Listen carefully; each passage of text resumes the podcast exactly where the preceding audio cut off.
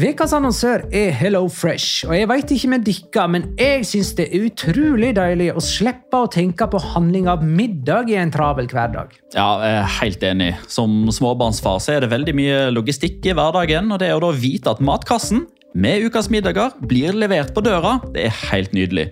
Da slipper du impulskjøp på butikken når blodsukkeret er lavt, og når du kommer hjem, kan du bare ta ut posen med dagens ingredienser fra kjøleskapet og sette i gang matlaginga. Ja, Du kan velge mellom 25 ulike retter hver uke. Og de har faktisk en egen kategori som heter Raskt og enkelt, med masse enkle og gode oppskrifter. Veldig greit å ikke måtte ty til takeaway hver gang det er hektisk på jobb. Jeg gleder meg spesielt til sterk chilikylling i min neste kasse. Jeg blir sulten bare av å tenke på det. Ja, Det er ikke feil med bacon og cheeseburger heller, da. Og det som også er bra, er at matkassen koster det samme hver uke, som gjør det enklere å holde matbudsjettet. Ja, og så blir det ikke matsvinn heller, fordi du får akkurat det du trenger til hver eneste rett. Hello Fresh kan absolutt anbefales, og bruker du koden vår, LIGALOCA, kan du få opptil 1779 kroner i rabatt på de fem første matkastene hvis du ikke har prøvd Hello Fresh tidligere. Du kan også prøve koden hvis du har avslutta abonnementet ditt for tolv måneder siden eller mer. Gå inn på hellofresh.no og bruk koden LIGALOCA. Bon appétit! Hallo? Jeg kommer fra Oslo politikammer. Ine Jansen er purk. Er du purk? The motherfucking bitch. Alt jeg vil, er å finne ut hva som skjedde med mannen min. Jon Carew. Er jeg sikta for noe? Iben Akeli. Det er du. Ole So, Lars Berrum og Big Daddy Karsten. Hvem sin side er du på, egentlig? Anette Hoff, Tone Danielsen, Kommer du fra Afrika? Jørnis Josef, Nesten. Kløfta. Trond Espen Seim. Det er synd å si det, men det var feil mann som døde. Purk. Premiere tirsdag på TV2 Play.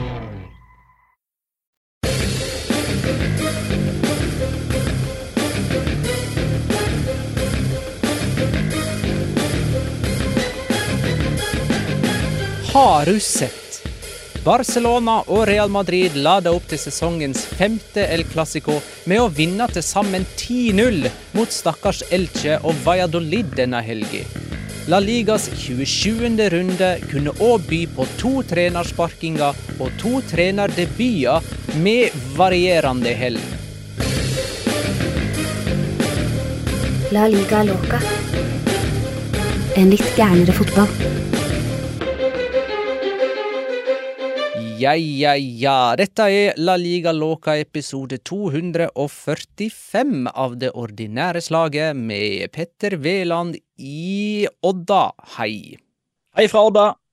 Eh, Og Jonas Giæver fra Oslo sentrum. Hei. Dom of the Shalom soms.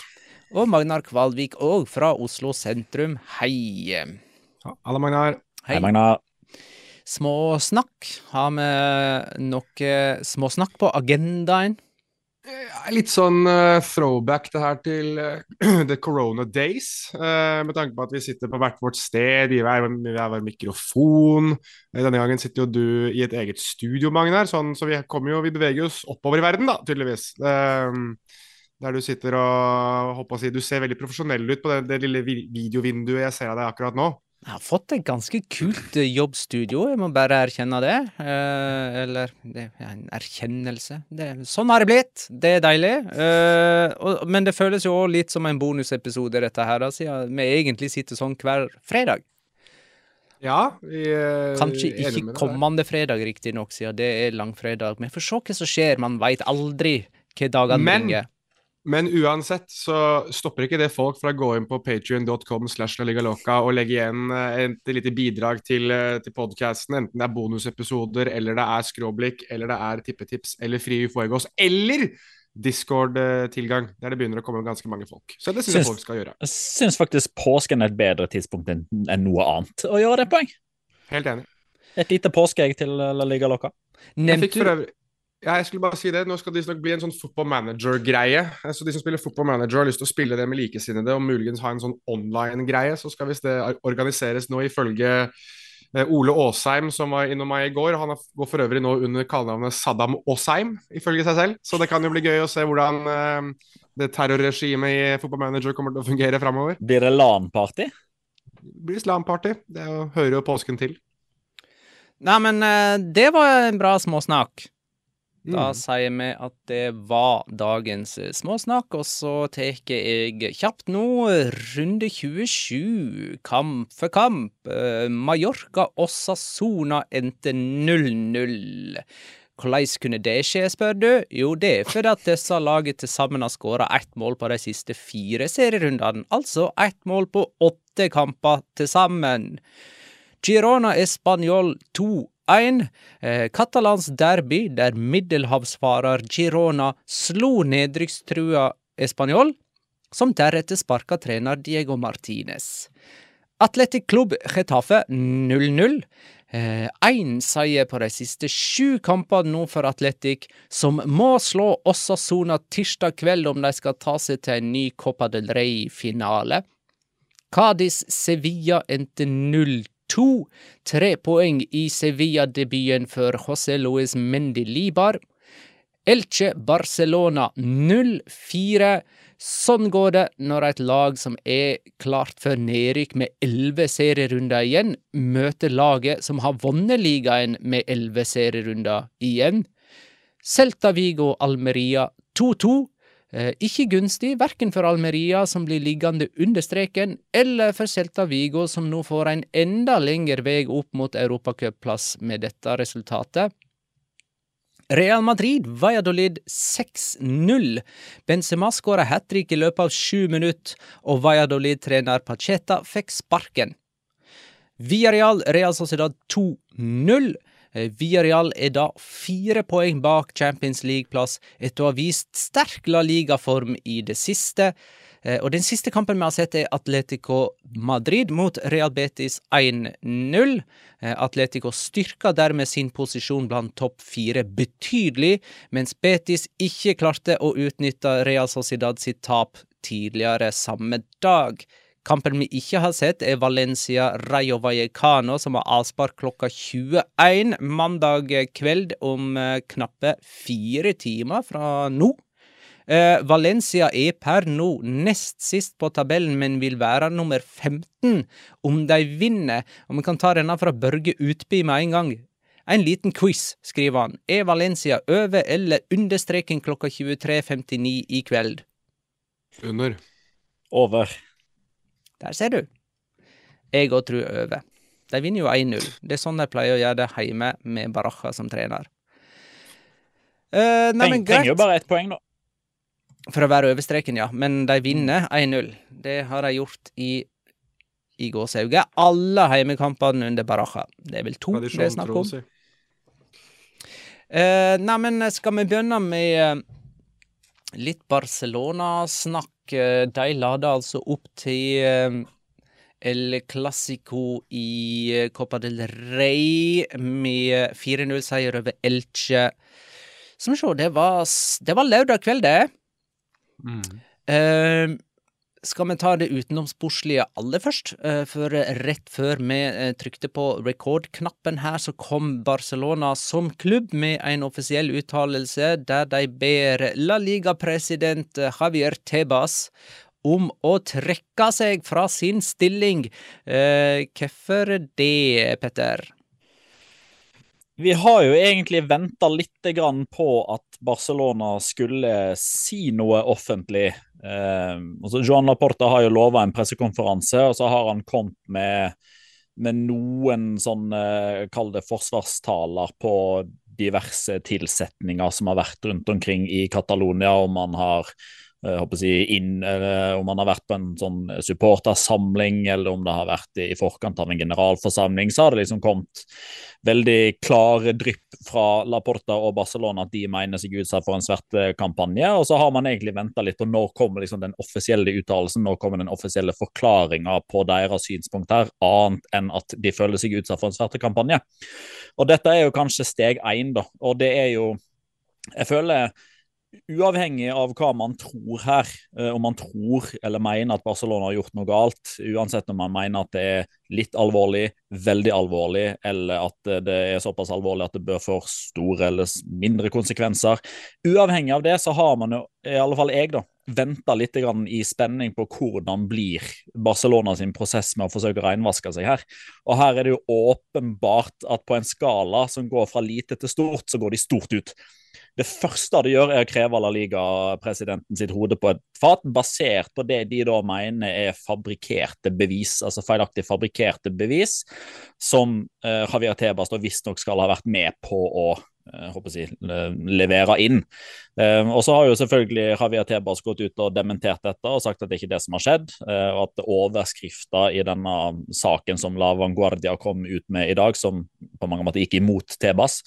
Så dette her er jo igjen da bare første steg av mange. Det kan godt hende at det har vært utvikling i denne saken her allerede når vi legger på Zoom-konferansen her nå, men det er interessant å se. Eh, kanskje ikke så veldig overraskende da, at eh, Joan Laporta, som har sagt at han skal kjempe til siste bloddråpe, velger å gå rett i frontalangrep mot eh, Tebas. Jeg eh, vil bare få presisert at denne uttalelsen som Barcelona kommer med, der de altså ber Tebas om å gå, den baserer seg på eh, en artikkel i La Vanguardia, som er ei Barcelona-avis, ikke sant? Nei, det er vel mer spansk regionalt. Altså litt sånn som El Pais og litt sånn forskjellig. Um, ja, det er sånn riksavis. Det er ja, riksavis. Dypdykkende. Veldig gode med sånne dypdykkende artikler og var det Nei, det var det ikke. Glem det. Nei, men de, i fall, de, de, har veldig mye bra. De har veldig mye bra. De og El Pais er liksom de to som gjør mest undersøkende uh, journalistikk, i hvert fall slik jeg har lært de å kjenne. Og der står det altså i den artikkelen at Tebas skal ha vært med på å fabrikkere bevis overfor påtalemyndigheten i Caso Negreira-saken. Ja, eh, han er i hvert fall altså, godkjent bevis som hevdes å være fabrikkert. Altså at det har gått gjennom på en måte um, Tebas' eh, sin tommel opp, tommel ned eh, for um, innsending, og da skal han ha sagt at det er greit, uten at det virker som han har tatt så veldig mye hensyn til hva beviset faktisk har vært. Da. Det er i hvert fall litt det jeg leser ut av Barcelonas uttalelse. Nå skal jeg være litt forsiktig med hva jeg mener og melder om det, for jeg har ikke lest den eh, La Vanguardia-saken annet enn overskriften og, og på å si ingressen. Ja, Det Men, som er eh, problemet der, er jo at det er en plussartikkel. Ja, ja, det er derfor jeg sier det. at Jeg har, ikke, jeg har, ja. si, jeg har innlogging på El Pais, men jeg har ikke det på La Vanguardia. Så hvis El Pais har lyst til å skrive det samme, så skal jeg lese det for alle sammen, jeg. uh, men, uh, men, ja, nei, det, det, virker i hvert fall som om det er litt det det står på. Og da er det jo litt sånn Hvor mye ansvar har Tebas egentlig da? Han har jo, han har jo egentlig alt ansvar. Men uh, dette her kommer til å være god gammeldags semantics, og hvordan man skal betrakte denne situasjonen, er uh, sikkert noe som kommer til å være neste steg da, i argumentasjonen mellom Barcelona og La Liga på akkurat dette punktet. Den er god. Uh, da kan vi snakke sportslig Barcelona. Med... Just, just, in. For seks minutter siden så har altså La Liga offisielt sendt eh, til Lavo, Guardia. Eh, så har de altså sendt en burofax, som de fortsatt holder med. Uh, Burofax ble jo veldig viden kjent når Messi sendte Burofax i august 2020.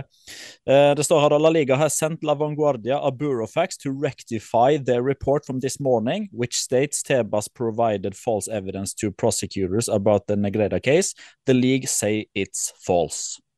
Så ja, de går igjen da. Altså, alt Dette her er egentlig litt sånn uh, den utenomsportslige varianten av La Liga. Forsvar, forsvar, forsvar. Kan jeg, få, kan jeg, skyte en siste utenomsportslig ting da? Slik at vi har gjort det òg, så er vi ferdig liksom med alt grumset. For det er så mye altså Barcelona er, er ikke mest Keon Klubb, det er mest Keon Klubb. Det er bare elendighet og rot. For du har jo også Jeg vet ikke om du skal inn på den Gavi-saken, Magnar? Altså Nå er det jo De kan jo begynne å rulle og gå, det også. Ja, ta det, da. Ja, altså som vi nå så, så jo, hadde jo du og jeg, Magnar, vi snakket jo i Patrion-episoden. Skal Gavi spille med nummer 30, eller skal han spille med nummer 6? Etter at uh, man på en måte kansellerte hans proffkontrakt. Og Som vi så, så har han nå gått tilbake til å spille med nummer 30. For han nå har gått tilbake til å ha ungdomskontrakt som går ut i sommeren, og har ikke proffkontrakt med Barcelona lenger. Det som så skjer, er jo da at det eksisterer en artikkel i det spanske fotballforbundets regelverk som hevder at hvis en profesjonell spillers kontrakt kanselleres, så vil ikke den spilleren kunne spille for den klubben noe mer den, altså, altså inneværende sesong.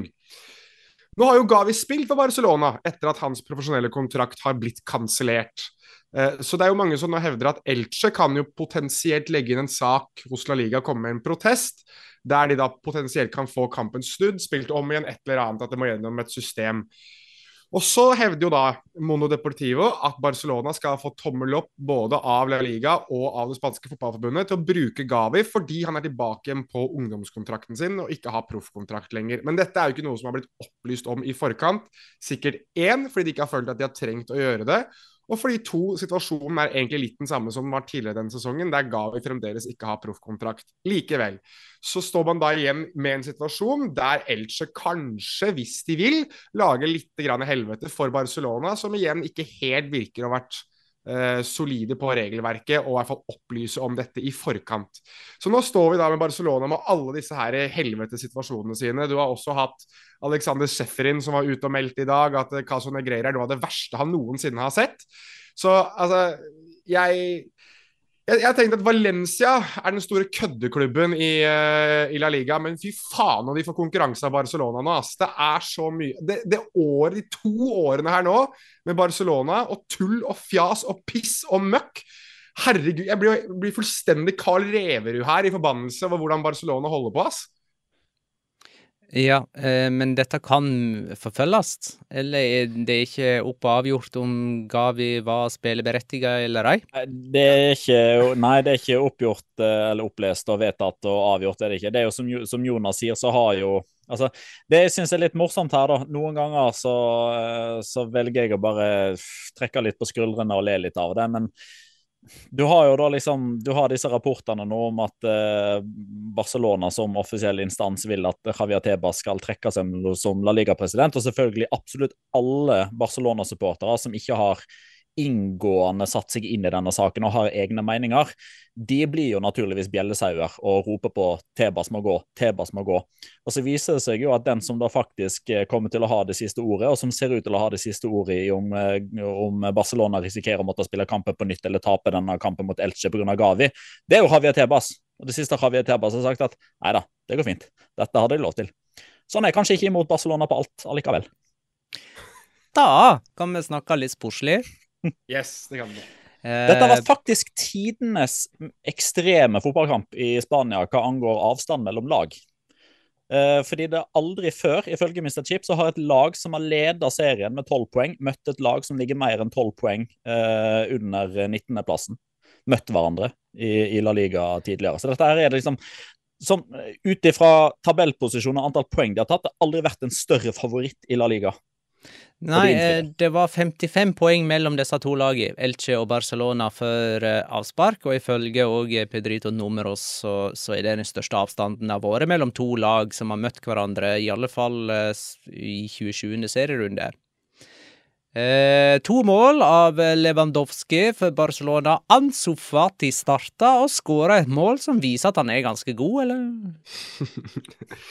Ja, Enten så er han fryktelig god, eller så er Omar Mascarell fryktelig dårlig. Um, jeg tror nok det er heller Ansu Fati som er god. Jeg syns jo forsvaret til Mascarell der er jo helt han, han, klarer jo så vidt å stokke beina. Ja, jeg ser du er gira, Petter. Hva vil du si?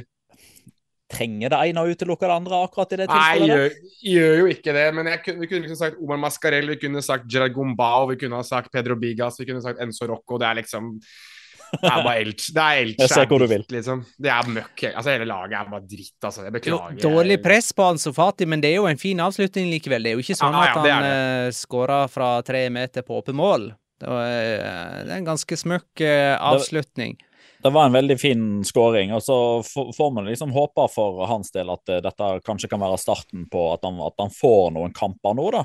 Det, det jeg er litt sånn spent på, er jo hvordan omgivelsene rundt Barcelona og hørte, Dere hadde jo en god prat om uh, pappaen, Bori Fati. Mm. jeg er litt sånn spent på hvordan den hva skal jeg kalle det for det, den, den, eh, ytre offisielle dialogen kommer til å foregå der. fordi sånn som han framsto før denne kampen, så vil det jo ikke overraske meg om Bori Fati kanskje slår seg litt på brystet nå og sier ja, dette er det du får av Ansu, Fati når han starter.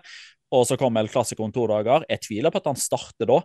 Eh, og Da er kanskje klaginga og sutringa i gang igjen, da, så skifter man fokus fra at Ansu Fati kanskje er på gang, kan ha et godt innhopp i El Clásico, kanskje starte igjen i, i, neste seriekamp, og så finner han kanskje tilbake igjen til det nivået som han hadde for halvannet år siden, to år siden, i stedet for at det blir sånn at hver gang han gjør noe bra, så skal Ansu Fati-fansen hylle det, mens skeptikerne skal påpeke at ja, men han starter jo ikke de største kampene. Altså, han, han må få litt tid nå tenker at uh, det er en spiller som spiller for, uh, sin, for å sminke seg for nye klubber, tror jeg det er. Skal jeg være helt ærlig. Jeg tror For å spille litt sånn djevelens advokat her. Jeg tror ikke, tror ikke Bori Fati eller Ansu Fati, hvis Chawi blir værende som trener, så tror jeg ikke han kommer til å bli værende fordi jeg tror veldig mange egg i Barcelona-kurven neste til sommeren nå kommer til å gå til Lionel Messi. Og jeg tror ikke det er plass til både Ansu Fati og Lionel Messi, sånn som den økonomiske situasjonen er nå, da. Så, så tror jeg Tieren må jo bli ledig, vet du. Ja, det, det må han jo for så vidt også. Det er et godt poeng. Uh, men jeg, jeg, tror at uh, den som ofres for at Barcelona skal kunne få på plass igjen Lionel Messi, tror jeg er den, sto, store, den store ofringen, for å si det sånn tror jeg er Ansu Fati. Men jeg tror også det at Ansu Fati må spille for å vise at han duger til noe. For at han skal kunne gå til klubber han har lyst til å gå til, altså type Bayern München, Manchester City, uh, ja, Juventus kanskje, jeg vet ikke. Uh, eller Napoli, jeg vet da faen. Jeg. Men fall denne type klubben ikke måtte gå noe ned i klubbstørrelse da, når han først skal bytte klubb. Um, så jeg tror nok det, det, heller er litt sånn at han har det der Marwan Felaini-syndromet. At han kommer til å være helt enormt god nå fram til sesongslutt, og så håpe at han uh, får en overgang. Og hvis ikke det går, så er han helt sink igjen i sesongstart i Barcelona. Og det er større og større tru blant oss altså på at Messi er Barcelona-spiller fra sommeren av igjen. I så fall så har han hatt sin tredje overgang eh, i sin karriere fra før han var tenåring og fram til godt opp i 30-åra. Alle gratis! ja. Jeg, jeg, jeg, tror det skjer. Jeg, eh, jeg syns det begynner å minne veldig nå om en del ting jeg har sett før med både Barcelona-overgang. Litt sånn god gammeldags Real Madrid eller Barcelona-overgang, hvor man begynner å eh, flørte med det store overgangsobjektet veldig tidlig. Hvor man begynner å få pressen til å skrive mer om det, hvor det er mer uttalelse rundt det. Og nå bruker de også sosiale medier litt, litt bedre, med typer som Gerard Romero f.eks., som snakker mye om dette, som har veldig mange som følger han og hører på det han sier. Så jeg, jeg, jeg får en veldig sånn feeling. Nå så vi altså nå i går, søndag 2. april, så så vi jo at det var buing på Lionel Messi på Parc de Près, så han er kanskje på vei ut av PSG uansett. Så um, ja, jeg kjenner at hvis jeg skal liksom si ja eller nei, legge eggene mine i kurven, det er jo tross alt påske, uh, så tenker jeg at jeg går for uh, at Lionel Messi spiller for Barcelona neste sesong. Se for meg sånn der en, en, liten sånn middag eh, på en litt sånn halveksklusiv, halvluguber restaurant i Barcelona i slutten av mai, begynnelsen av juni. Der sitter Javier Tebas, der sitter Joana Porta, og der blir de enige om at nå, nå legger vi all feide til side. Jeg ser litt, for, litt, gjennom fingrene. Dere får lov til å gå litt over lønnstaket. Lager ikke noe big deal ut av det. Messi kommer tilbake igjen. Dere dropper den eh, anklagen eh, mot eh, meg, og så danser vi rømba på opium, og så er alle glade etterpå. Eh, Sjakkeladen spør jeg, i hvilken runde blir Barcelona seriemester? 34. Jonas? Rett, rett ut fra hodet? Jeg går for 33, jeg, ja, da. Hvorfor ikke? Hvis, ja, da, hvis de da i 33. runde, så må de da være 16 poeng framfor Real Madrid. Syns ikke det virker helt usannsynlig? Ja? Nei, eh, jeg støtter Petter på 34. Jeg tror det, Da må de være 13 poeng framfor Real Madrid i runde 34. Eh, og det er ikke sikkert de ender opp 13 poeng framfor dem, men at det kan være 13 poeng mellom dem etter runde 34, det tror jeg faktisk på. Hvis mm. den spådommen eh, går i, Og nå, nå, har jeg enda mer lyst til at eh, den spådommen skal gå i eh, oppfyllelse, for da blir de faktisk seriemester eh, ja, altså Alle andre enn Jeddah Piquet ville vel da sagt at de blir det i Barcelona. Jeddah Piquet ville sagt at de blir det i Cornea, for det er borte mot Español. Ja, der ser du. Jesus. Eh, og så skal altså Barcelona opp mot eh, Real Madrid nå onsdag kveld. Eh, Barcelona har 1-0 å gå på i den Copa del Rey-semifinalen etter møtet på Santiago Bernabeu. Nå er det altså på kamp nå. Real Madrid slo Valladolid med 6-0 denne helga. Benzema skåra hat trick i løpet av sju minutter. Eh, Eden Hazard kom inn og viste seg såpass god at nå får endelig han òg El Clásico på CV-en sin, eller? Kanskje ikke. Eh, men eh, bare ta, eh, for å ta sånn først eh, Får meg en ny duell Araujo på høyre bekk mot Venicius Junior på venstre kant. Det er jo ganske mye som tyder på det. Det er jo det Chavi har valgt å gjøre i det siste. Eh, jeg vil jo si at sånn totalt sett så har han jo kommet ganske godt ifra det. Har vel egentlig kommet godt ifra alle situasjoner han har satt Ronald Araujo opp i, bortsett fra mot Marcus Rashford i, Europa League. Der gikk det vel ikke helt etter planen, men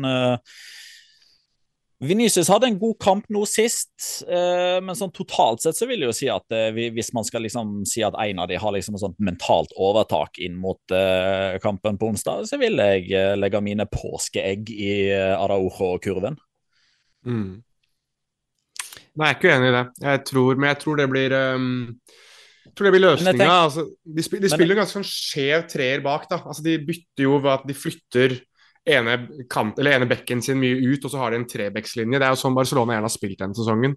Eh, og da er det jo Araujo som forsvinner ut. Um, og eventuelt er det han som går inn, og så er det bekken på andre siden som går ut. Altså det, jeg, jeg, tror at uh, Barcelona som forsvarsenhet, i hvert fall, tror jeg kommer til å ha ganske god kontroll på sida av det, da, men så skårer sikkert Venicius hat trick, men uansett. Uh, jo, men, men det var tror... det som var litt av Det var det jeg ville bare følge opp med. At jeg tenker at for hver kamp som går, mellom Real Madrid og Barcelona, mellom Venicius og Araujo. Altså, det er jo ikke sånn at, uh, at det er bevist at uh, Araujo er kryptonittet til Venicius. Jeg tenker at For hver kamp som går mellom de to, så øker jo sjansen for at snart har Venicius en stor kamp, og der Araujo kanskje er den som Eh, som får memes eh, kasta etter seg etter kampen. Altså det, I utgangspunktet så er jo det en veldig sånn jevn, spennende, jævla kul duell mellom to spillere som kommer, hvis de blir værende i henholdsvis Barcelona og Real Madrid, så kommer til å prege El Clásico de neste ti årene. Litt sånn som Lionel Messi mot Sergio Ramos, altså skaperen mot ødeleggeren. ikke sant? Eh, på et eller annet stadie her så kommer nok òg Venicius til å ha spilt på seg såpass med forståelse, at han veit litt mer hva han skal gjøre og ikke gjøre for å ikke havne i lomma til Araura. Men mm. kunne det vært en idé av Angelotti å sette Venicius på høyresida, sånn at han kan utnytte rommet bak eh, Balde, som, eller Balde, heter han, eh, som jo ikke er den eh, bekken som vandrer framover hos Barcelona? Da kunne, fått, tanke. Eh, da kunne vi fått Fede Valverde mot Araujo på, eh, på andre sida. Rein eh, uruguayansk duell. Hadde ikke vært så ille, det heller. ja, nå vet jeg vi skal inn på han etterpå, men jeg sitter med feeling på at med tanke på at Barcelona har overtak, så må Real Madrid fram i banen. Og det er jo en annen brasilianer som virkelig viste seg fram denne helga her, da. Som jeg tenker mm. at uh, fint kan benytte seg av det rommet som Ball forlater. Så jeg er veldig spent på hvordan Angelotti angriper den kampen der. fordi vi vet, vi kjenner han som en sånn 4-4-2-mann i de store oppgjørene, men nå må han på en måte jage den kampen her, da. Um, og da, da, kan det være at han må gjøre noe litt uvanlig, som f.eks. det å spille en treer på topp der da, og på en måte prøve å pushe Barcelona mer og mer bakover. Så jeg syns de taktiske valgene Angelotti kommer til å ta i den kampen, kommer til å være nesten mer fascinerende enn noe annet. For jeg tror vi vet allerede hvordan Barcelona kommer til å spille. Altså, de kommer til å gå ut i en 4-3-3 som blir en 3-4-3, eh, fordi Balde eller Araujo kommer til å gå høyt. Det kommer til å være mest Balde, og da blir det en trevektslinje bak. Og så kommer til å ha ene bekken som går høyt, som en sånn uh, wingback, nesten. Og, og, da er liksom det store spørsmålet er om Angelotti ønsker å være proaktiv, altså at han pusher dette bakover tidlig. Eller han vil være reaktiv i det at han håper at, at Real Madrid kan kontre på det at Barcelona prøver å ha et overtak i kampen. Um, så jeg syns akkurat Real Madrids startoppstilling kommer, til, den kommer sikkert om tre minutter, for de kommer jo helvetes tidlig. Uh, så da kan vi jo holde på å si når den kommer, så tror jeg det kan være et um, godt diskusjonstema i discorden vår. Eh, ellers så spilte jo Benzema på seg litt uh, sjøltillit eh, for uh, dette oppgjøret på Kamp Nora. Han brukte seks og et halvt minutt fra sitt første til sitt tredje mål mot uh, Valladolid. Det var det raskeste hat tricket i La Liga siden Kevin, Kevin Gameiro, Gameiro, brukte 4 minutter og 45 sekunder for Atletico Madrid i 2017. Eh, Benzema er for øvrig første spiller som skåra over 20 mål for Real Madrid i 11 sesonger. Ja, Uh, en annen ting å merke seg er jo at uh, vi fikk to målgivende av disse to brasilianske konsepter i denne kampen. Uh, Venicius Junior og Rodrigo. Jeg, og jeg nominerer Rodrigo til rundens spiller. To målgivende og én skåring på han. Kanskje spilte han bare for å la Fede Valverde eller Luka Modric få hvile, men det, han spilte til gagns. Uh, og uh, kanskje hadde han sin beste Real Madrid-kamp, om enn ikke hans beste Real Madrid-øyeblikk, for det var vel kanskje mot Manchester City i fjor. Så en nominasjon til Rodrigo der ifra meg. Rundens spillernominasjon ifra Petter går vel til en annen i hvitt, tror jeg. Ja, det, det, gjør det. Det er nesten ikke mulig å komme foruten Karim Benzema her, syns jeg. Og du du tok jo to av de eh, tre statistiske poengene som jeg skulle underbygge det med, med hvor raskt eh, det var, og eh, hvor mange ganger han nå har runda 20. Da kan jeg ta den, den, tredje, at det er jo da faktisk det raskeste Real Madrid-hat tricket eh, siden midtstopper slash midtbaneanker Fernando Ierdo eh, skåra hat trick mot Español i 1992. Da brukte han eh, et sted mellom fem og seks minutter, mens eh, Karim Benzema brukte seks minutter og 30 sekunder. Og så kommer for øvrig nå, mens du hadde ditt resonnement tidligere her nå, så fant jeg ut, eh, og dette kan du bare notere, at jeg bytter Locora fra eh, Atletic Retafe til Girona Español. Ja, greit. Det skal jeg prøve å notere mens eh, Jonas tar sin Locora fra Real Madrid Valladolid. Nei, ikke sånn kjempelokora sånn egentlig, men uh, jeg syns det er litt lokora at Eden Hazard faktisk er i Real Madrid ennå. Uh, og at han spiller med nummer syv.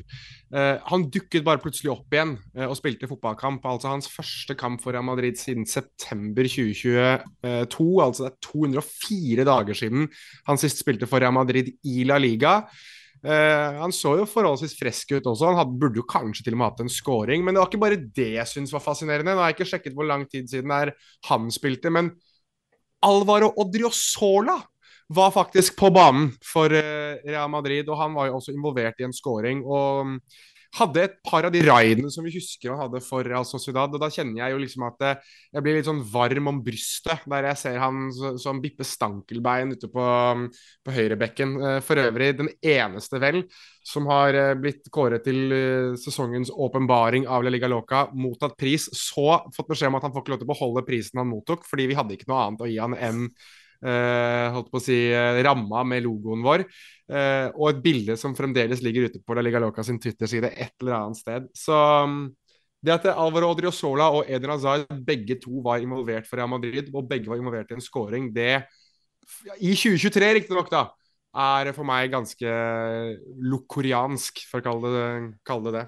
Og så kan du også legge til Jesus Vallejo, som fikk sine første minutter i La Liga denne sesongen. Han, han, er, han, han er Altså det, det, blir for meta igjen. Altså, han, han, er, eh, han er, der, han òg, men uh, Han, han hadde jeg glemt. Det må jeg bare si. han skulle eh, være den nye Fernando Hierro, han. Husker du ikke det var en? Han skulle jo være den nye store. Men han var òg ganske god. Jeg føler det talentet der ble kasta vekk. Uh, kan jo nevne at det er så kjølig nå mellom Real Madrid og Barcelona at Florentino Perez ikke kommer til kamp nå på onsdag. Det gjorde han heller ikke eh, til forrige El Clásico i ligaen. Det er jo ikke så lenge siden. Eh, Valladolid sparka trener eh, Pacheta. Og Valladolid-supporter Martin André Hansen foreslår Nagelsmann som eh, erstatter. Noen innvendinger på den? Louis Henrique er jo fortsatt ledig. Fantastisk forslag. Ja.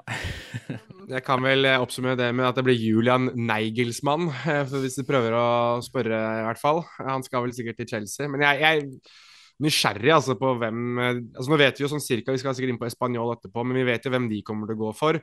Men øh, hva faen kan Valladolid gjøre nå, da? Altså, Nei, altså, liksom... jeg, jeg, leste en rapport i stad der eh, Ronaldo visstnok eh, hadde satt som mål å få dette banka igjennom ganske tidlig. altså Allerede i morgen og tirsdag så hadde han eh, liksom sett for seg at da, da, går de ut. Jeg husker, navnet, jeg husker ikke navnet på han i farten. Jeg mener å huske at han hadde gjort et eller annet bra med Cruzeiro ganske nylig. Det er vel det jeg husker fra den tweeten jeg leste for noen timer siden. Da mener jeg at det var Cruzeiro, en tidligere Cruzeiro Cruzeiro-trener.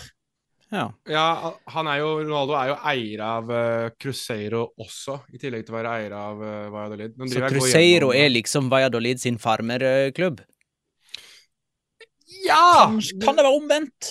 Ja, jeg ville vel kanskje tenkt at det var omvendt, jeg, ja, da. Uh, men jeg ser at de har en, i hvert fall Cruzeiro har en trener som heter Pepa. Det, er ikke han, det er ikke han som er der nå. Ok, Kan jeg få lov til å lese litt? Paolo, Paolo Pezzolano.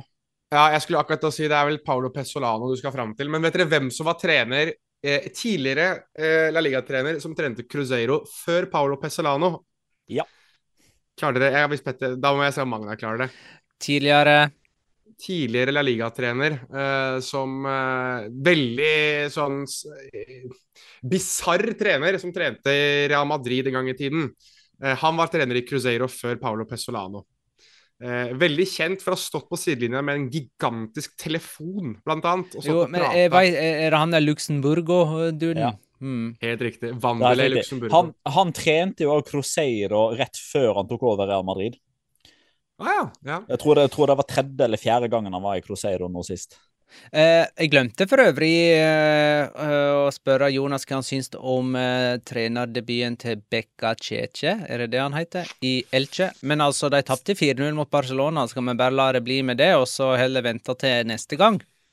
Ja, jeg er veldig kjapt om det. Jeg tror nesten du kunne plassert eh, Pep Guardiola på det Elche-laget nå. Det hadde sett jævlig ut uansett, så jeg tror ikke vi skal liksom felle noen dom over Bekka Cheche riktig ennå. Greit. Atletico Madrid mot Real Betis endte altså 1-0. Angel Correa med en liten sånn soloprestasjon uh, i det 86. eller 87. minuttet.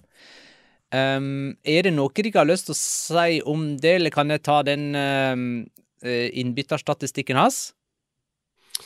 Eh, jeg vet ikke om jeg skal si noe om det, men jeg fikk en ganske kul melding av en lytter som eh, hadde vært på kamp og ville gjerne si noen ord om Atletico Madrid. Men du kan godt ta statistikken din først, hvis du vil det. Ja, altså, Angel Correa, han har skåra 19 mål som innbytter i La Liga. Flest av alle gjennom historien. I alle fall uh, for Atletico Madrid der. Og Atletico Madrid har fått 14 eh, mål skåra av innbyttere denne sesongen. Det er flest av alle i mm. eh, La Liga denne sesongen her. Og så er det jo òg verdt å nevne at Atletico har tatt 26 av 30 eh, mulige poeng på de siste ti seriekampene. De har altså åtte seire og to uavgjorte. Så alt løsna for dem etter at Sjau Felix eh, forsvant og går gjennom sine eh, problem i Chelsea.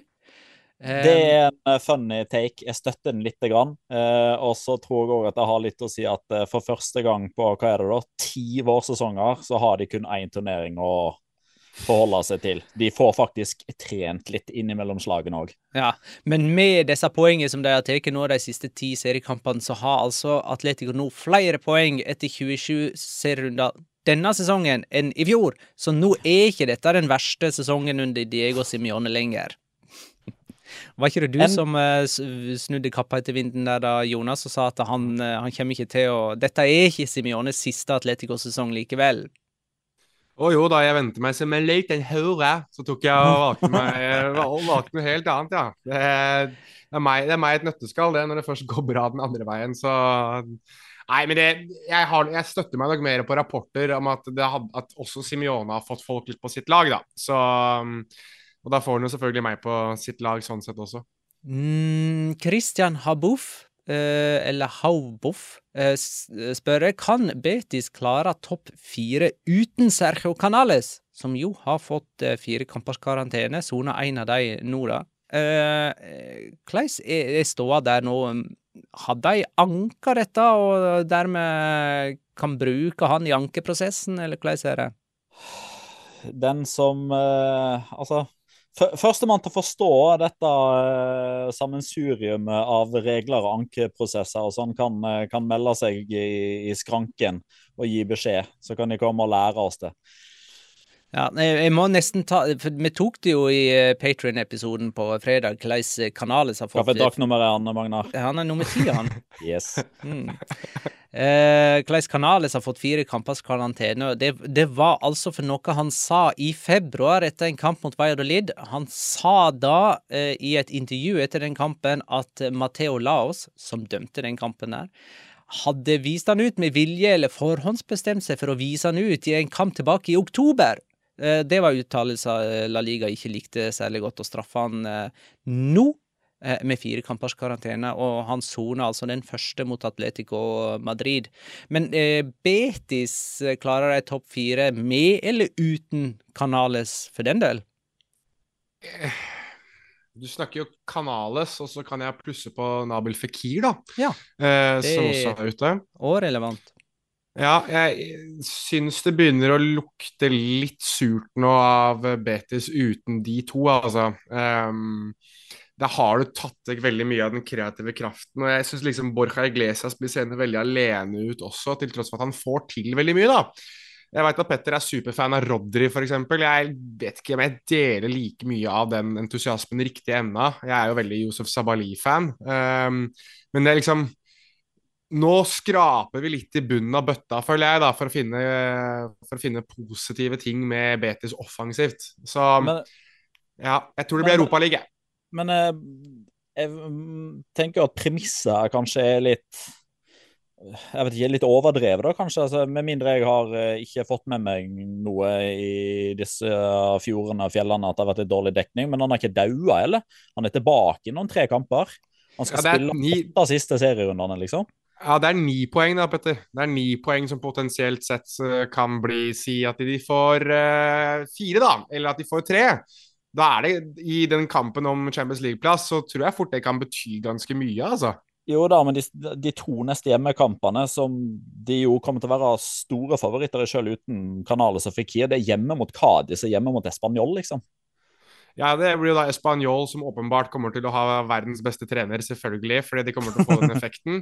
Og Cádiz som ja, det er Kadis, da, så du veit ikke helt hva du får, kanskje. Det kan være at Theo Bongonda er eh, helt eh, Ronaldinho, eller så kan det være at de er fullstendig møk. Men eh, jeg syns at Betis ser litt sånn tamme ut offensivt, bare. Altså, det er ikke så veldig mye å hente i det de bedriver med offensivt. Og det, det har liksom vært Fikir og Kanale som i tur og orden har byttet litt på å ha taktpinnen i det offensive for, for Betis en del. Ellers har de hatt noen helt sinnssyke enkeltmannsprestasjoner da, fra Sabali, fra Ruibal f.eks. Eh, og jeg klarer liksom ikke å forestille meg at man skal komme seg til Champions League på bakgrunn av Josef Sabali og Aito Ruibal i 2022-2023-sesongen. Men hei, det rarere ting har skjedd. Real Betis har aldri skåra på Metropolitano. Eh, de har spilt der seks ganger nå. Og under Pellegrini så har nå Betis 22 seriekamper mot Real Madrid, Atletico, Barcelona og Sevilla, og vunnet én. Tapt 15. Prøver du å si at Emanuel Pellegrini er den nye Ona Emery? Eh, ja, han er oppskrytt. Det er det jeg prøver å si. kan, jeg, kan, jeg, få ta litt av eh, Jeg fikk en veldig kul melding av Magnus Linseth, som hadde vært på både Santiago Bernabeu og Civitas Metropolitano på samme dag. Altså Han hadde tatt seg en liten Madrid-tur og vært innom både de to ulike stadionene. Han ville gjerne komme med noen betraktninger om hvordan det var å være supporter som ikke hadde så veldig mye å forvente av liv og røre på tribunen. Han var, eh, det virka som han var ganske skuffa over hvordan det var på Santiago Bernabeu, der det var eh, Han skriver at det var som å være på en gudstjeneste. og Det var à la Madrid før kamp og jubling på skåringene. Utenom det var det helt musestille på stadion med at det var prestasjoner som veide opp. da, At det var gøy å se at Real Madrid var så gode. Skåringene og mm. jubelscenene, det var amen, det, da? Mest sannsynlig. Oh, det er vel Og halleluja, ikke minst. Um, men at det var en helt enorm kontrast da komme til Civitas Metropolitano, som han beskriver som ti av ti. Um, og at det var publikum som var på hele tiden, og at det var hyling og skriking fra oppvarming til siste slutt. At supporterne var 100% bak Simione og laget. Og at han fant seg selv juble og heie eh, sammen med supporterne da Korea skåret i det 88. minutt, til tross for at han, i hvert fall før kampen, var nøytral. Så hinter han om at han kanskje potensielt sett har blitt litt Atletico Madrid-supporter etter det som han betrakter som en ti av ti-opplevelse på Civitas. Så for de som lurer på hvordan supporterkultur er, og hvor, hvilken klubb de skal besøke i Madrid, så fikk man iallfall en indikasjon der fra, fra, vår venn, eh, fra vår venn Magnus Lindseth. som var eh, innom de to største. Det som er litt morsomt her, er at jeg har fått kortversjonen fra Lukas Våge. Det kan godt hende at eh, det er kompiser, og at de var på de to kampene sammen. Men uh, Lukas Våge sendte meg et stillbilde fra Santiago Bernabeu og en ti sekunders video fra Civitas Metropolitano. Og så uh, skrev jeg tilbake igjen du fikk med deg begge, ja. Nydelig. Og typ tommel opp. Og svaret yes, god kok på Metropolitano. Ingenting om Bernabeu. Så det kan òg sies med litt færre ord eh, Villarreal Real Sociedad endte altså 2-0 etter mål av Parejo og Nicholas Jackson. Eh, Sistnevnte føyer seg inn i rekka av spillere som har kommet inn og blitt utvist, men han rakk altså å skåre òg. Eh, Villarreal hadde fire strake tap i februar. Nå har de tatt 13 av de siste 15 mulige poeng. Eh, på de siste fem serierundene har Villarreal tatt åtte poeng mer enn Real Sociedad, og nå er det altså fire poeng mellom de to på tabellen. Real Sociedad er nummer fire, Villarreal nummer fem. Eh, nei, seks. Eh, nå har Betis imellom der. Eh, David S spør hvilket lag tror dere blir topp fire? Ja, vi kan ta det først, ja. Uh, nei, jeg sa Viareal, jeg, før uh, sesongen. Altså at det blir uh, Eller sa jeg Ja, jeg endte på Viareal, fordi vi alle sammen ble enige om å holde Sevilla langt utenfor. Der tror jeg vi gjorde et godt valg. Real Madrid, Atletico Madrid, Barcelona og Viareal endte vel jeg på, tror jeg. Og jeg står ved det. jeg syns det ser mer og mer sannsynlig ut òg, skal jeg være ærlig. Jeg står med mitt tips fra sesongstart. Real Sociedad? Ja. Det var Real Sociedad du hadde som nummer fire, Petter. Ja. Og jeg hadde Betis, så vi ja. må vel alle stå på vårt, eller? Jeg sier Betis blir nummer fire, jeg. Ja. Ja, hva ja, ville jo... du si om kampen da, Jonas? Nei, jeg skulle si at Jeg vil jo si at mitt valg med Villarreal er ganske er ganske solid. da. Den tid det ikke rakk å bli noen ordentlig thriller på La Ceramica, selv om det var en smooth criminal i Nicholas Jackson som klarte både å score og bli utvist. Hva um, kom det Å oh, ja, det er Michael Jackson. Uh, Nicholas Jackson, OK. Ja, Men det som er gøy, er at hvis du blander han som skåra 2-0 og han som skaffa straffesparket til 1-0, så får du jo Samuel Jackson. Nei, men jeg tenker at uh, når, det kommer til, når det kommer til ordspill, Petter, så du og meg, don't stop till you get enough. Og det gjør jo aldri du eller jeg. Uh, til tross for at Magnar har veldig lyst til at vi skal beat it gang etter gang. Så um, Hoppa videre det, nå til Cádiz uh, Sevilla. Nei, én ting til. Nei, ja, men da kan du ikke komme med flere ordspill. Da går vi bare videre. Vi skal gå videre, jeg lover. Men det er så gøy, fordi at vi snakket jo om han på, i Patriot-episoden, Magnar. Og nå kommer jo Ben Brereton Diaz til, uh, til La Ceramica, han også. Så da får du både Nicholas Jackson og Ben. Uh, og for de som ikke vet hvem Ben er, så søk opp Michael Jackson Ben, så skjønner dere hva jeg skal fram til. Uh, ja, jeg veit ikke det. Er det, en bror? Oh, nei, nei det er jo en sang. Det er jo ja. en av Michael Jacksons litt sånn glemte hits. Um, altså Hvis du liker den jeg vet ikke om Folk er enten så liker det, liksom det er black eller white. og vanligvis it doesn't matter. Så okay, det er bare å gå videre. Uh, kom, den, kom, den Ben uh, etter Dangerous, eller før? Jeg tror den kom før Dangerous. Uh, ble litt usikker. Jeg var ganske stor fan uh, fram til Dangerous, skjønner du. Jeg har aldri hørt om Ben. Kanskje han er fra. Off The Wall-albumet. Jeg veit da søren. Vi går til Kadis. Vi moonwalker videre! Woo! Cádiz Sevilla endte altså 0-2. Debuten til Mendelibar som eh, Sevilla eh, trener. Og det 2-0-målet det kunne vel nesten ikke ha blitt mer Mendelibarsk. Eh, langt oppspill fra Badé fra egen banehalvdel. I gåsehauget stuss fra eh, Brian Hill eh, gjennom i, i bakrom til Nesyri. Litt merkelig at eh, Brian Hill var liksom Flo-pasningens mottaker eh, i det tilfellet, men sånn var det altså. Dette er, dette er Mini som stusser gjennom Jostein Flo, liksom. ja, faktisk. Det skulle kanskje ha vært omvendt.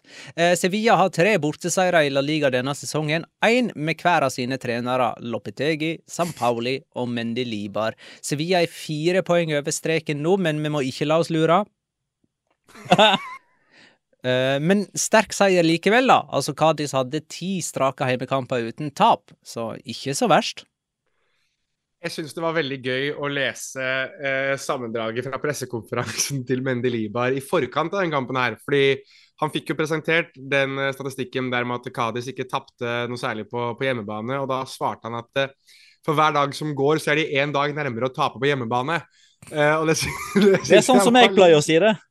Det syns jeg var litt sånn Ja ja, du, du tar jo ikke feil, men, men samtidig så er det liksom det er sånn som du sier at uh, er det håp i henga en snøre? Var liksom litt det jeg tenkte da han uh, dro den. Ja, men da, vet du hva, Nå blir jeg litt mer fan av, av Lieber. Jeg syns han vanligvis bare er en sånn gretten gammel gubbe, og alt nytt er ræva, og det skal bare være sånne kjedelige greier og sånn. Men det der er faktisk et av mine største mantra og hva skal jeg si, filosofier innenfor gambling. Det å forsøke å finne ut når rekka får en slutt. Altså det, altså det, er jo mot all odds. Altså det er jo mot normalt at Cardis har ti kamper på rad uten tap. Da kommer snart det tapet. Sånn er det jo bare. Ja, og det var ikke veldig, jeg var ikke så veldig overraska over at tapet kom her, da. Eh, og det har jo litt å gjøre med altså, ny trenereffekt. Den, jeg synes den er nesten undervurdert. Jeg, nå. Man snakker jo om det som en sånn greie, men jeg tror at eh, jeg tror det var Relevo jeg, som skrev det at eh, Og jeg syns bare det var en kjempeenkel greie. Jeg skrev det at eh, Mendeliba kommer inn og forenkler ting. Og jeg tenkte sånn Ja, men det, det, er ganske enkelt å forenkle noe etter Jorge Sampaoli som hadde kjøreplanen med seg ute på banen, liksom. Så jeg tror kanskje det at man har en type som Mendelibar, som jeg kan forestille meg at gir ganske korte, konsise og litt sånn direkte meldinger på hva vi skal gjøre og hva vi ikke skal gjøre, tror jeg er noe som er helt midt i blinken for Sevilla akkurat nå. Og så tror jeg ikke det kommer til å ha noe lang og kjempegod effekt, men det de får de inn i 2023-2024-sesongen i, uh, i, Primera. Um, og så tror jeg at Sevilla har gjort en ganske smart greie ved å beholde han til sommeren. For da får, uh, da får Mendeliva lov til å sminke seg for ny klubb. Uh, og Sevilla får lov til å planlegge litt for hvilken trener de skal hente inn neste sesong. Celta Vigo Almeria endte 2-2 på Balaidos. Celta Vigo Trass dette skuffende resultatet, og det setter kanskje eh, nedturen litt i perspektiv, Celta Vigo har tatt flere poeng enn Real Madrid i 2023, og vi har altså spilt eh, tolv seriekamper i 2023. Eh, du har en runden spillernominasjon i denne kampen her, eh, Jonas? Eh, ja, jeg har faktisk det. Og det er Altså, egentlig så er det litt sånn, bare for å nevne han også, fordi han har hatt en ganske sånn quietly brilliant season. Og det er forsvarer Arnau Martinez, som jeg syns uh, Når vi skal snakke om høyrebacker i La Liga, når vi skal inn på årets lag osv., så, videre, så så tenker jeg at faktisk han er den som skal inn der, slik ting er akkurat nå. Uh, og det har litt å gjøre med at uh, Girona har vært forholdsvis gode defensivt, og så har de han som gjerne kommer Eh, med veldig veldig gode løp. Og, og, Enten han stikkes gjennom og spiller ballen inn igjen i boks, eller i denne kampen her har han jo en helt enorm scoring. Eh, så føler jeg at han liksom har blitt glemt litt. Han nevnes jo i forbifarten med spillere som kobles til Atletico Madrid bl.a. Jeg så at han nevnte forbindelse med Barcelona. Um, men jeg syns at i det Girona-laget Nå husker vi Girona har hatt spillere som Pablo Maffeo, Pedro Porro, altså ulike spillere som har gått og blitt ganske gode andre steder. Um, så tror jeg han er neste, kanskje sammen med Aleix Garcia, men i det oppgjøret her så er det Arnau Martinez som for meg um, fortjener en nominasjon. La Liga sjøl kaller han for Pujmal. Arnau Pujmal. Nei, det er han spiller på Almeria. Er det Anna? Ja, det var to Arnauer ja. som skåra ja. den kampen her. Stemmer.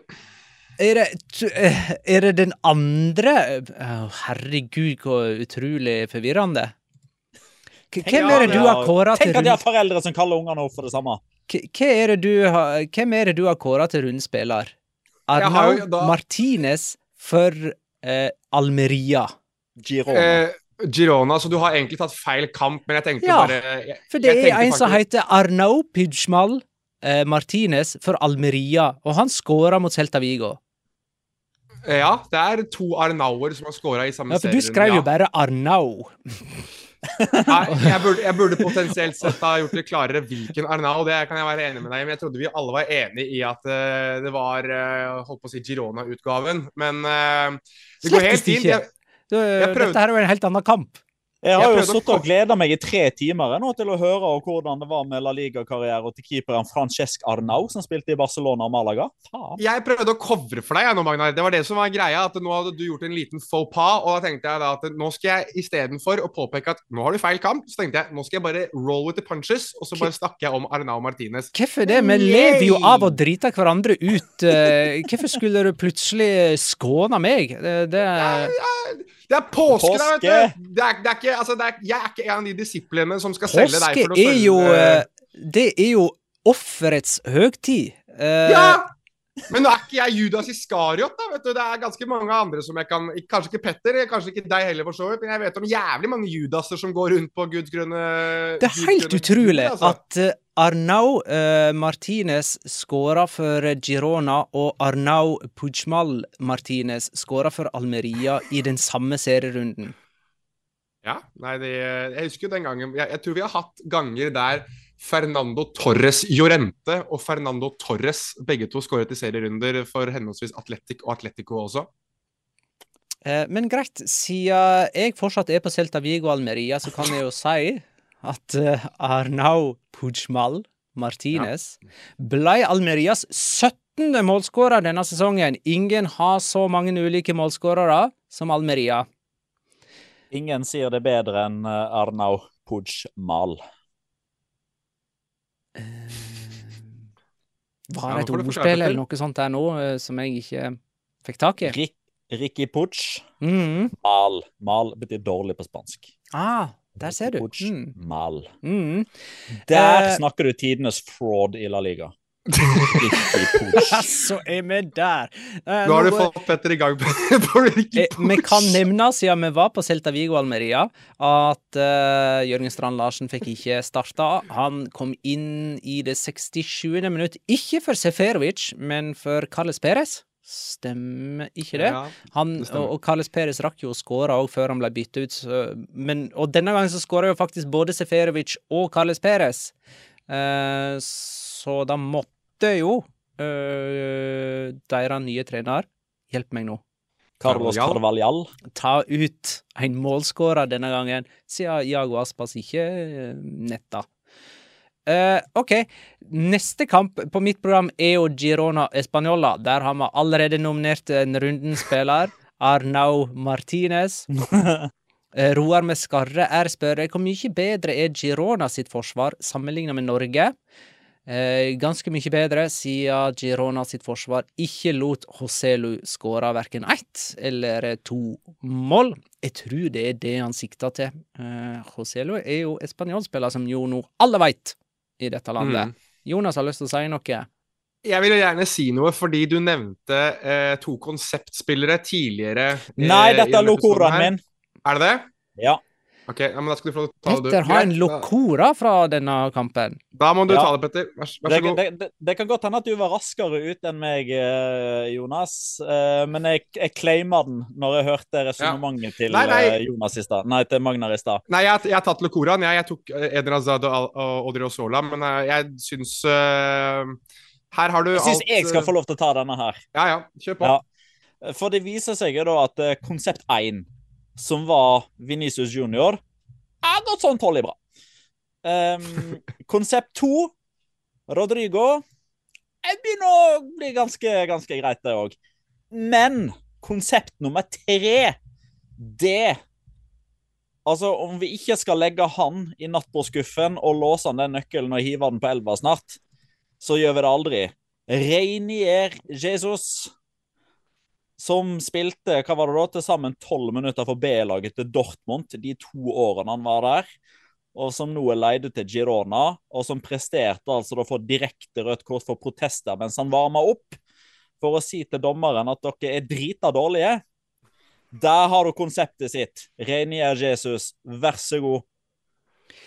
Eh, hva skal Español gjøre nå som de har sparka Diego Martinez? Det som er så sinna, at Pablo Machin allerede har fått fyken denne sesongen, så han får ikke lov. Nei, det, det, de skal gjøre, er at de skal ansette Luis Garcia Fernandes, um, som ikke er han Luis Garcia som spilte i, uh, i Liverpool og Barcelona, annet. Nå har vi på en måte hatt en annen Luis Garcia som tidligere har trent via Real, annet. Og så har vi en ny Luis Garcia nå som skal trene Spanjol. Og så er ikke den Luis Garcia vi alle sammen tenker er Luis Garcia trener i La Liga. um, men uh, Luis Garcia Fernandez trener vel oh, Er det Intercity eller noe sånt? da? Han trener, trener i hvert fall det laget som skal bli Real Madrid C.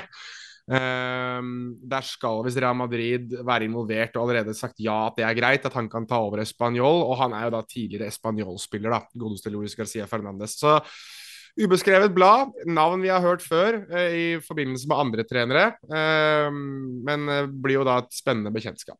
Luis Garcia er jo en tidligere espanjol-helt. Han danna jo spisspar med Raúl Tamud, og han var Ja, det er han, ja? Okay. Ja, ja. ja han, han, som òg dro nytte av pasningene til Ivan de la Peña. Han hadde jo han hadde tosifra tre sesonger på rad mellom 2005 og 2008 for Espanol. Han spilte for Saragossa og Mallorca òg. Ja, og hvis, hvis det stemmer at det er Intercity han har trent, så var jo det det var jo det laget som holdt på å slå Barcelona ut av Copa del Rey tidligere denne sesongen, hvis jeg ikke husker helt feil. Den 4-3-kampen der Barcelona måtte ha ekstraomganger. Det var jo en på um, en på uh, Intercity der, uh, Sol de Vila, var det den heter, som skåra hat trick. Som plutselig var liksom uh, absolutt alle snakka om han etter den kampen der.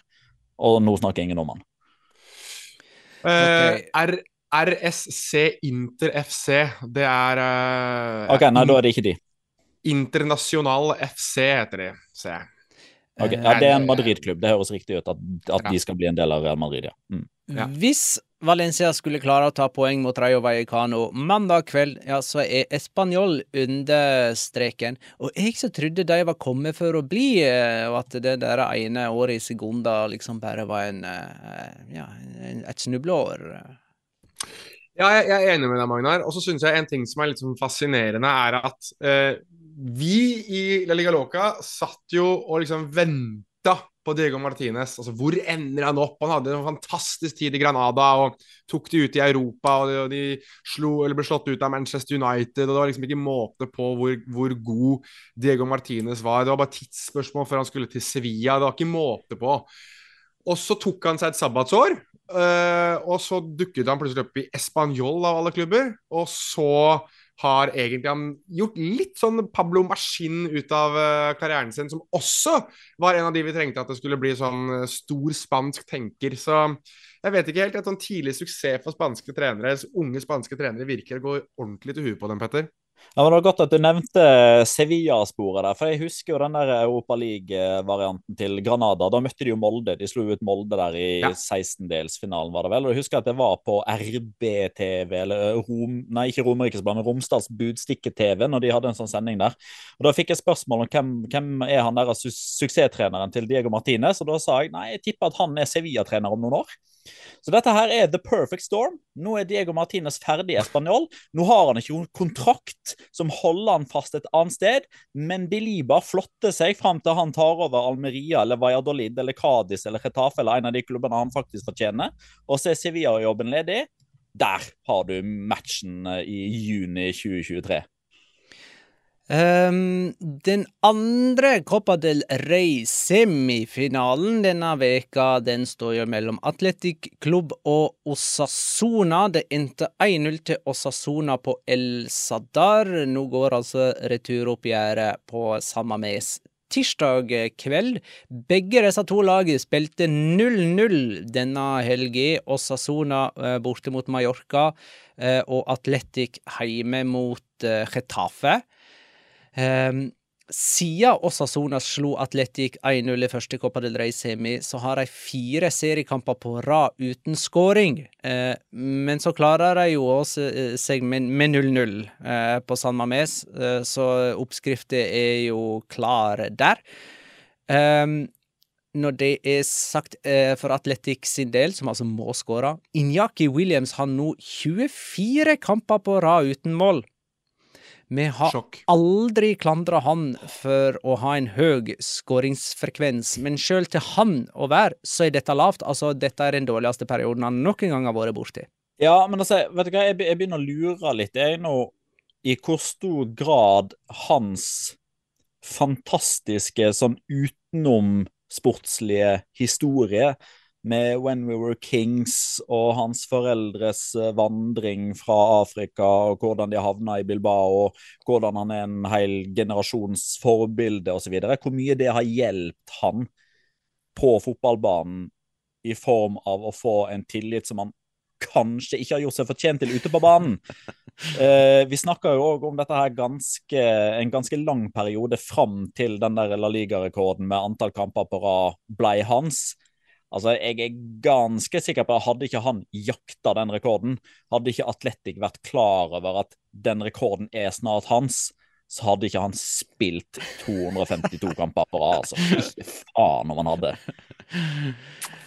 Nei, jeg er ikke enig med deg. Men Inyaki Williams er jo fremdeles, da, selv i 2023 er sånn, Når du sitter og, ser han, sitter og ser han spille, så er det sånn Men han er jo god, da! Han er jo god! Han mangler bare scoringa. Han gjør jo mye bra. Ja, Men det bor jo en spiller i Njaki Williams. Det er noe der. Og det er liksom så, Men så inne på sånn fraud-spillere, Petter, jeg vet at du har lyst til å ta Ricky Pooch, så er jeg litt på samme Jeg er veldig glad i Njaki Williams, men altså Der er det litt sånn skinnet bedrar med tanke på hvor god han er. altså eh, Til tross for at han ser helt ekstremt flott ut på banen og gjør eh, mye godt òg. Han, øh, han bare skårer ikke mål. Det, så han er liksom Han er premiumutgaven av Gaisca Tokero. Det er ganske enkelt å si han, han trenger bare å øve litt på avslutninga, ta litt avslutningstrening. Men det tipper jeg han har gjort i, i så det monner eh, de Noen- siste ti noen- åra. Noen bør eh, kviske han lillebroren eh, et lite hint om at han skal kanskje begynne med den avslutningstreninga nå. Ja. Eh, Det er for øvrig ingen som har spilt eh, 0-0 oftere enn Atletic-klubb denne sesongen. De er oppe i fem nå. Jeg har for øvrig en positiv eh, locora. En, eh, en locora jeg ble oppmuntra av fra Mallorca og Sassona. Eh, Jeg vil hedre dommer Dias de Mera Escuderos. Hadde ikke et forhold til han, for øvrig.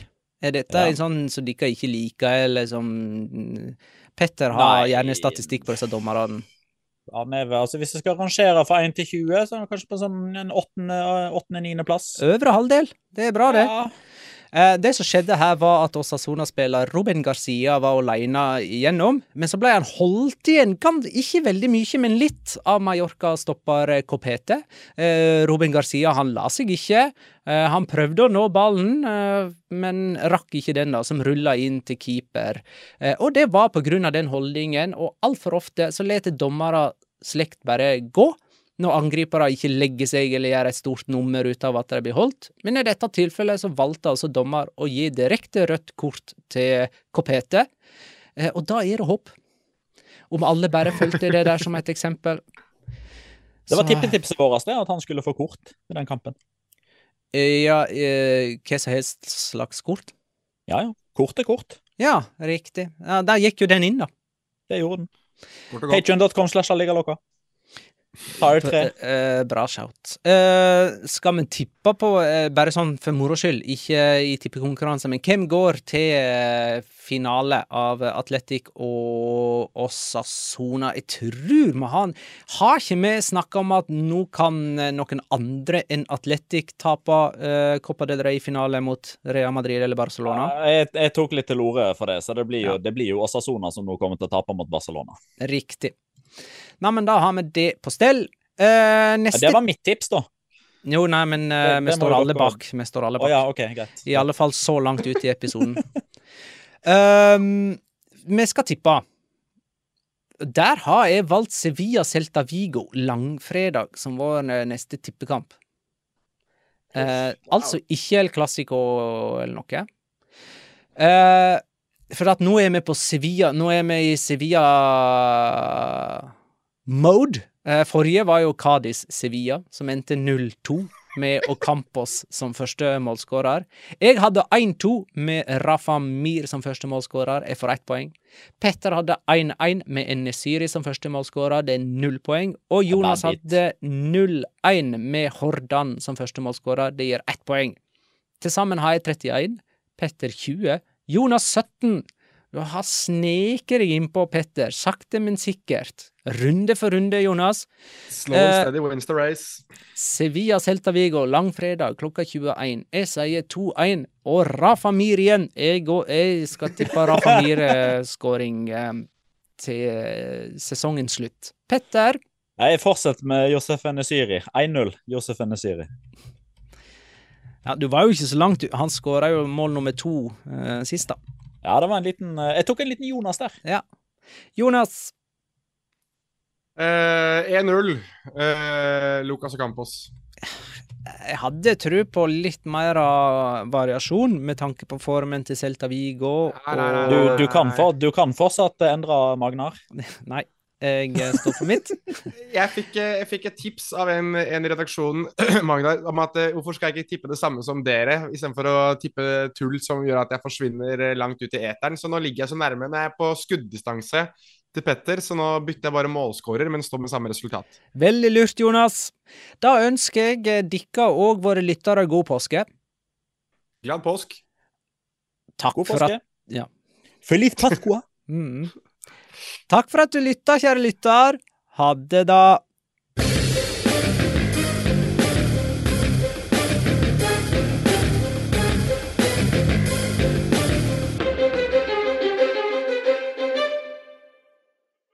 Har du et enkeltpersonforetak eller en liten bedrift?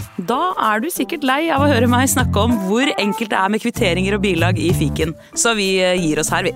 Fordi vi liker enkelt. Fiken superenkelt regnskap.